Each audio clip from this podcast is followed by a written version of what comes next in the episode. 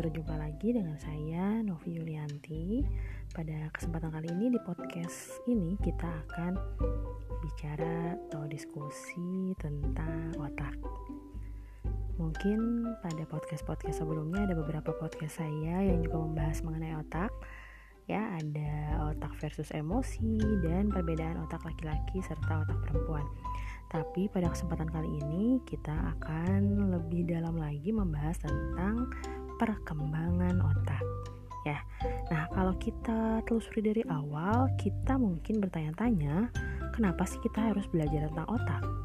Ada apa dengan otak kita? Dan ternyata pertanyaannya mungkin mengejutkan juga untuk kita bahwa otak adalah pusat dari seluruh kontrol tubuh manusia. Artinya, otak adalah sebagai pusat pikiran, perasaan, dan perilaku manusia.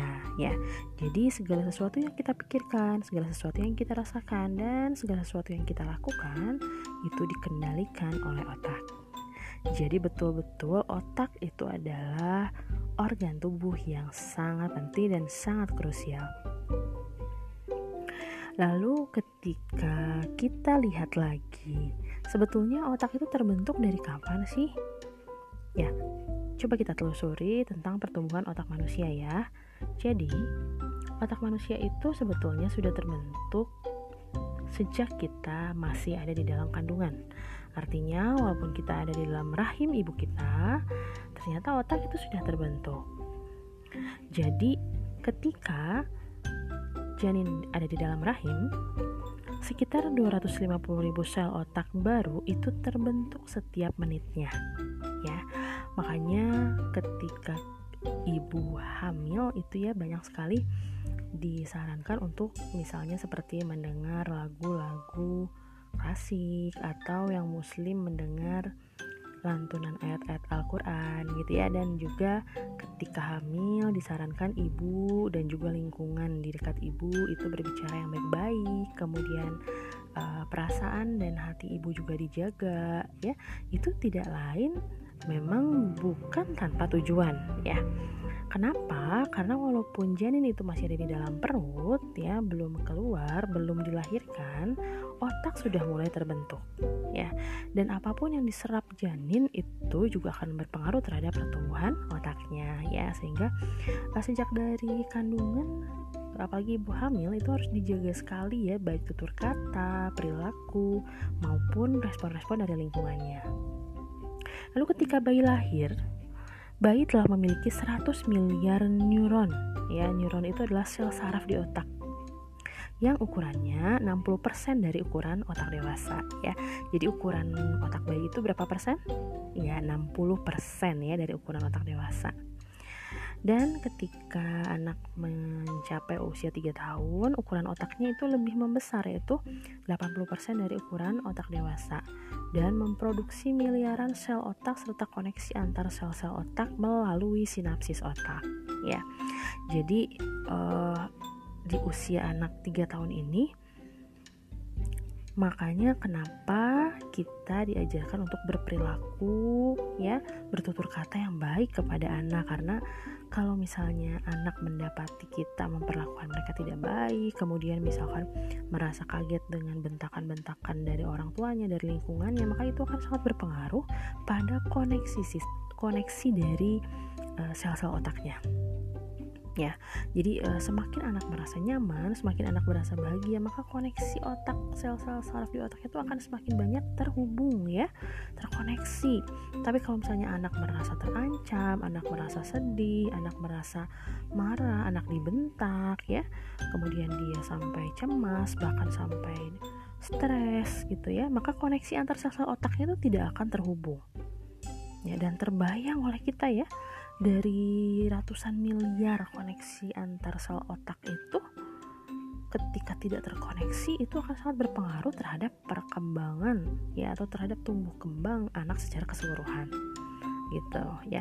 Kemudian di usia lima tahun otak ini mulai beradaptasi pengalaman negatif dapat meninggalkan luka psikologis pada anak selamanya ya karena ukuran otaknya juga sudah lebih besar, sudah menuju seperti ukuran otak orang dewasa sehingga uh, di usia lima tahun itu disebut uh, dalam psikologi perkembangan anak itu adalah eh, masa-masa uh, golden age atau masa-masa anak emas ya, masa-masa emas anak itu.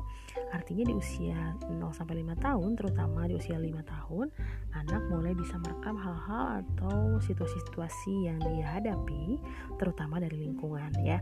Ketika lingkungan mengancam kemudian membuat dia kehilangan kebutuhan psikologisnya gitu ya itu bisa meninggalkan luka pada anak ya. Dan itu sangat berpengaruh terhadap bagaimana dia nanti uh, kepribadiannya saat dewasa gitu. Nah kemudian ketika remaja ukuran otaknya segimana? Oke, pada saat remaja, ukuran otak remaja ini sudah sama dengan otak orang dewasa, tapi belum sepenuhnya berkembang ya. Terutama di area lobus frontal. Ada yang namanya area otak itu lobus frontal? Itu uh, salah satu tugasnya ya memang untuk mem, apa ya kemampuan mempertimbangkan sesuatu sehingga mampu mengambil keputusan yang tepat ya. Makanya kenapa remaja itu akhirnya uh, kondisi emosinya labil. Kemudian uh, ketika remaja juga uh, apa mereka masih mencari jati diri. Karena apa? Karena memang berdasarkan ukuran otaknya itu belum sepenuhnya berkembang ya. Makanya orang e, apa anak-anak remaja itu sangat rentan sekali ya untuk diberikan pemahaman-pemahaman yang negatif. Makanya mereka mudah sekali terjerumus kepada hal-hal yang negatif. Karena apa? Kemampuan mempertimbangkan sesuatu baik buruknya itu masih belum sempurna ya. Jadi masih labil Lalu kemudian di usia 20-40 tahunan, otak memperlambat produksi sel-sel otak dan sinapsis sehingga sulit mempelajari hal-hal yang baru. Penyakit mental seperti skizofrenia atau kecemasan mulai mulai muncul. Dan di usia 50 tahunan, ingatan jangka pendek mulai terganggu sehingga biasanya di usia 50 ke atas ya menuju usia lanjut itu e, fungsi memori atau fungsi ingatan menurun. Nah, kemudian di usia 60 tahun ada penyusutan otak, penyusutan otak ya sebesar 0,5 sampai 1% setiap tahunnya. Dan berat otak anak laki-laki 12 sampai 20% lebih besar daripada otak anak perempuan.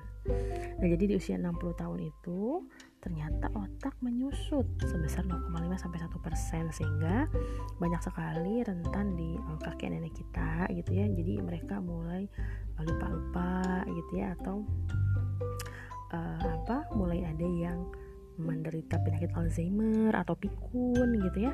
Nah, kenapa bisa terjadi seperti itu? Karena ternyata di usia 60 tahunan itu terjadi penyusutan otak gitu. Nah, kemudian uh, ketika kita kembali lagi ke yang tadi ya, berbicara tentang sel saraf atau neuron, ternyata neuron ini sejak kita lahir jumlahnya itu mendekati 100 miliar kan tadi ya. Dan setiap neuron dapat memiliki 5000 sampai 20000 koneksi ya. Artinya tiap koneksi ini merupakan hasil pembelajaran yang diperoleh sepanjang hidup. Dan dalam koneksi antar neuron terjadi proses elektrik kimiawi atau kelistrikan dan kimia. Jadi setiap kita mendapatkan informasi baru tentang apa pun ya bukan hanya tentang pelajaran tapi ketika kalian misalnya sekarang kalian kuliah dapat teman baru, informasi baru, kenalan lagi dengan orang-orang baru. Nah, artinya kalian sedang mengkoneksikan atau menghubungkan sel saraf kalian ya yang mendekati 100 miliar itu. Ya, jadi sebetulnya bagus. Kalau misalnya sekarang uh, atau selama kita hidup kita itu selalu ingin tahu banyak hal. Itu bagus ya. Karena informasi-informasi yang kita dapatkan terutama informasi-informasi yang baru itu akan menghubungkan koneksi sel saraf di otak. Dan itu semakin baik.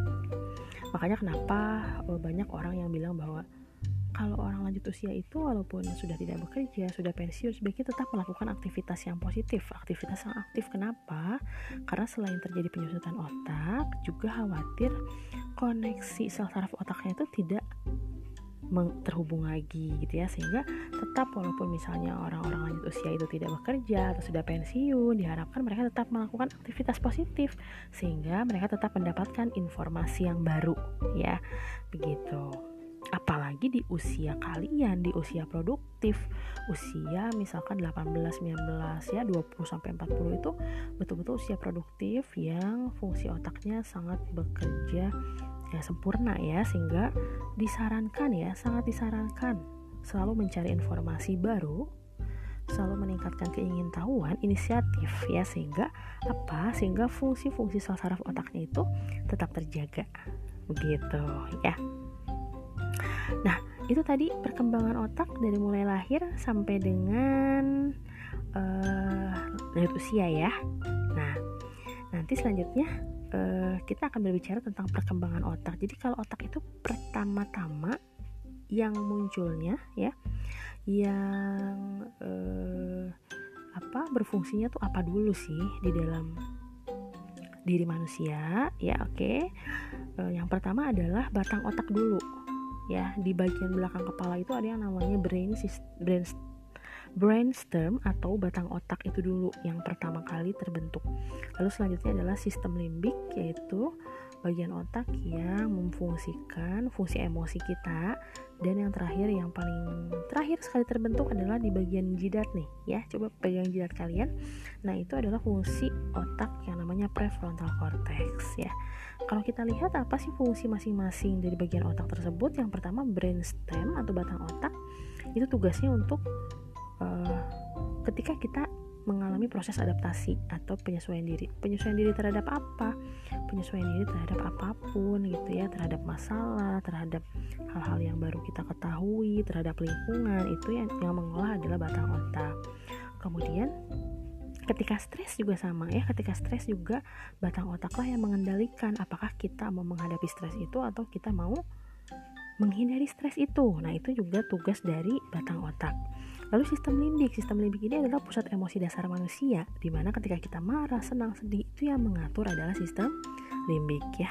Dan yang terakhir prefrontal cortex itu adalah bagian otak yang paling terakhir ya paling terakhir terbentuk itu fungsinya untuk bagaimana kita mampu berpikir rasional, kita bisa membuat keputusan, kita bisa mempertimbangkan sesuatu ya, menimbang baik buruknya sesuatu. Kemudian bagian otak yang mampu mengontrol emosi ya, adanya di bagian jidat. Ya, oke. Okay.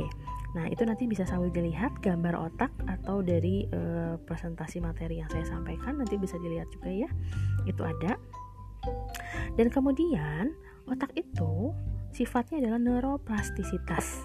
Artinya, otak itu mampu untuk merubah ya, merimodel dan reorganisasi untuk adaptasi di situasi baru.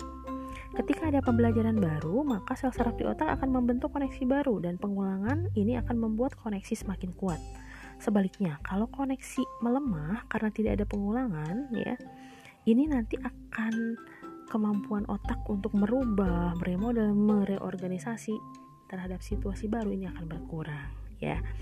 Jadi semakin banyak informasi yang kita dapatkan, semakin banyak input-input masukan yang kita dapatkan baik dari lingkungan, dari orang lain, kritik, saran, masukan, baik itu yang bagus, baik itu yang buruk sekalipun itu bisa membuat diri kita itu berubah menjadi lebih baik karena apa?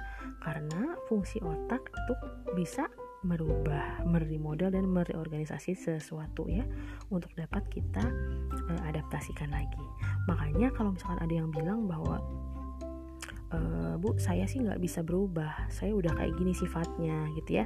Atau misalnya ketika kita e, menghadapi seseorang yang yang misalnya tidak sesuai dengan kita gitu ya, terus kita bilang uh, kita pertanyakan apakah dia bisa berubah atau enggak ya kemudian jawabannya adalah bisa ya ketika seseorang ya masih mau menerima masukan orang lain masih mau menerima kritik orang lain bahkan masih mau mencari tahu bagaimana caranya dia untuk bisa menjadi orang yang lebih baik maka saya yakin uh, mereka itu bisa sedikit-sedikit merubah karena apa? Karena otak sebagai pengendali pikiran, perasaan dan perilaku itu juga sifatnya neuroplastisitas. Artinya otak itu menerima hal-hal yang familiar dengan kita ya.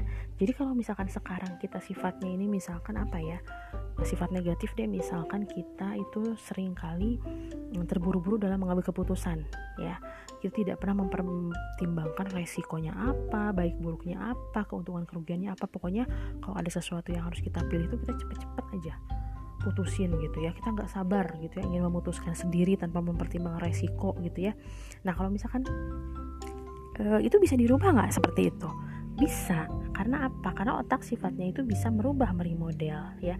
Artinya kita bisa menginstruksikan pada diri sendiri bahwa ketika kita menghadapi situasi atau pilihan tertentu kita bisa mengendalikan dengan berpikir secara sadar mengenai misalkan resiko kekurangan kelebihan atau uh, keuntungan dan kerugiannya kita apa ketika kita memilih pilihan tersebut ya atau bahkan ketika kita meminta pendapat orang lain itu juga sama itu juga upaya kita untuk me, me, memunculkan kemampuan otak untuk merubah, merimodel dan mereorganisasi sesuatu yang kita hadapi. Begitu ya. Jadi mulai sekarang kalau misalkan ada yang bilang bahwa saya orangnya seperti ini, ya jadi saya tuh nggak bisa berubah. Kamu percuma deh kalau misalnya mau ngerubah saya saya nggak bisa berubah. Dari orok juga saya begini. Itu pasti bohong. Pasti itu tidak ada keinginan untuk berubah dari dirinya gitu ya. Karena pada dasarnya otak kita neuroplastisitas jadi kita pun sebetulnya bisa berubah ke arah yang lebih baik. Jika memang kita niat dan ada kemauan untuk berubahnya gitu ya. Begitu. Oke kemudian ada lagi satu lagi nih uh, terakhir. Uh, satu istilah ya di mana istilahnya namanya praning. Praning itu apa? Praning itu adalah ketika di awal kehidupan kita ya sudah mulai terjadi proses seleksi. Seleksi koneksi antar saraf yang tadi ya. Ketika kita dapat informasi baru pengalaman baru itu kan ada koneksi antar sel saraf ya koneksi neuron. Nah ada yang namanya praning yaitu diseleksi. Jadi in, informasi yang kita dapatkan itu nggak semuanya mengkoneksikan neuron dengan uh, secara langsung gitu ya tapi ternyata ada proses seleksi disebutnya adalah synaptic planning nah uh, proses ini ketika tidak ada stimulus dari pengalaman sinaps atau koneksi antar saraf akan dimatikan oleh otak. Makin banyak sel saraf neuron yang terkoneksi satu sama lain maka makin sehat otak kita gitu ya. Jadi uh, mereka akan menyeleksi nih kalau misalnya udah lama kita nggak belajar kita diem aja kita rebahan aja kita nggak mau nama informasi apa pun tidak mau menerima masukan atau kritik dari orang. Kita maunya diem aja kita maunya hmm, sesuai dengan apa yang kita mau aja ya gimana saya aja misalnya gitu ya. Nah e, nanti sel-sel e, saraf di otak itu dia bingung gitu ya mana yang mau saya koneksikan gitu tidak ada informasi yang baru gitu. Dan akhirnya karena tidak ada pengalaman tidak ada stimulus jadi koneksi itu akan mati kebayang ya kalau misalkan sel saraf kita itu tidak bisa terkoneksi lagi karena memang kita sendiri yang tidak mau menambah informasi gitu.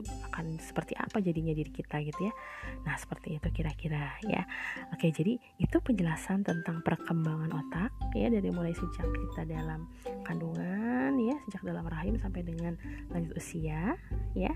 E, mudah-mudahan dapat dipahami ya. E, terima kasih atas perhatiannya. Sampai jumpa di podcast selanjutnya. Assalamualaikum Thank you.